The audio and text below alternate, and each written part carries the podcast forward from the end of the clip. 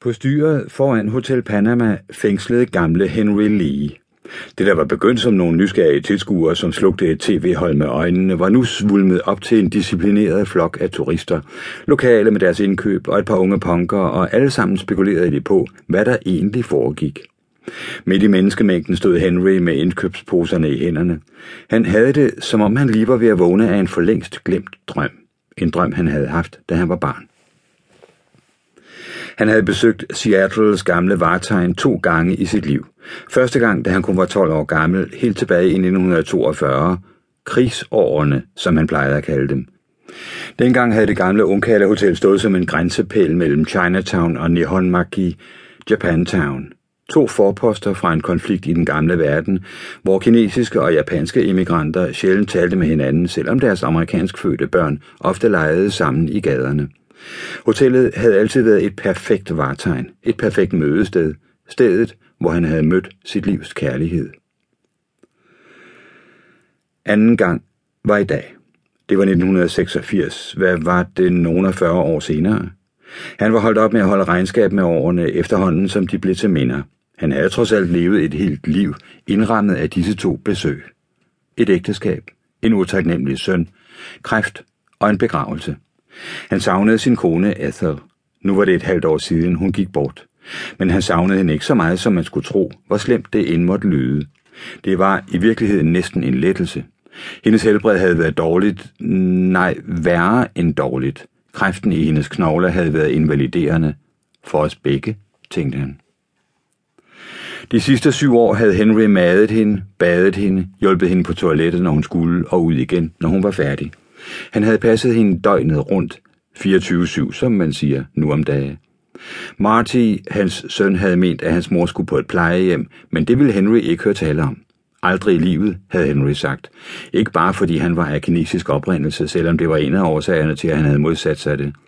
Det konfucianske ideal om sønlig pietet, respekt og erbødighed over for ens forældre var en kulturel overlevering, som Henrys generation havde svært ved at forkaste. Han var blevet opdraget til at drage omsorg for sine kære, personligt, og at anbringe nogen på et plejehjem var utænkeligt.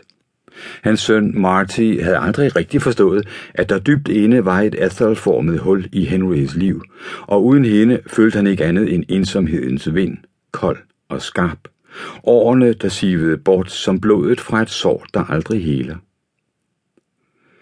Nu var hun væk for altid. Hun skulle begraves på den traditionelle kinesiske måde, havde Henry tænkt, med madoffre og livstæpper og bønneceremonier, der varede flere dage, trods Martys idé om at lade hende kremere. Han var så moderne. Han havde konsulteret en terapeut og havde taklet sin mors død ved hjælp af en støttegruppe af en slags. At tale med fremmede lød ligesom at tale ud i luften, hvilket Henry havde førstehåndskendskab til i virkeligheden. Det var ensomt. Næsten lige så ensomt som Lakeview kirkegård, hvor han havde begravet Ethel. Nu havde hun en pragtfuld udsigt over Lake Washington og lå begravet sammen med Seattles kinesiske notabiliteter, såsom Bruce Lee. Men når alt kom til alt, lå de i hver deres grav. Alene i al evighed. Det betød ikke noget, hvem ens naboer var. De sagde aldrig noget. Når mørket sænkede sig, snakkede Henry med sin kone, spurgte hende, hvordan hendes dag var gået. Hun svarede selvfølgelig aldrig. Jeg er ikke skør eller sådan noget, sagde Henry ud i luften. Bare fordomsfri, men ved aldrig, hvem der lytter. Så begyndte han at pusle om sin kinesiske palme og de andre stueplanter, hvis brune blade vidnede om måneders forsømmelse. Men nu havde han ikke en tid. Tid til at passe noget, som til en forandring ville blive stærkere men indimellem spekulerede han nu på statistikkerne.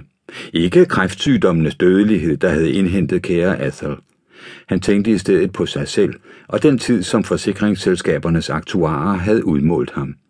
Han var kun 56, en ung mand efter sine egne normer, men han havde læst en artikel i Newsweek om den uundgåelige helbredsforringelse hos overlevende ægtefæller på hans alder. Måske var tiden ved at indhente ham. Han var ikke sikker, for i samme øjeblik Ethel døde, var tiden begyndt at slæbe sig afsted. Han var gået med til en frivillig fratrædelsesordning fra Boeing Field, og nu havde han masser af tid, og ingen at dele timerne med. Ingen han kunne spacere sammen med ned til Munhei bageri efter Yuet Beng.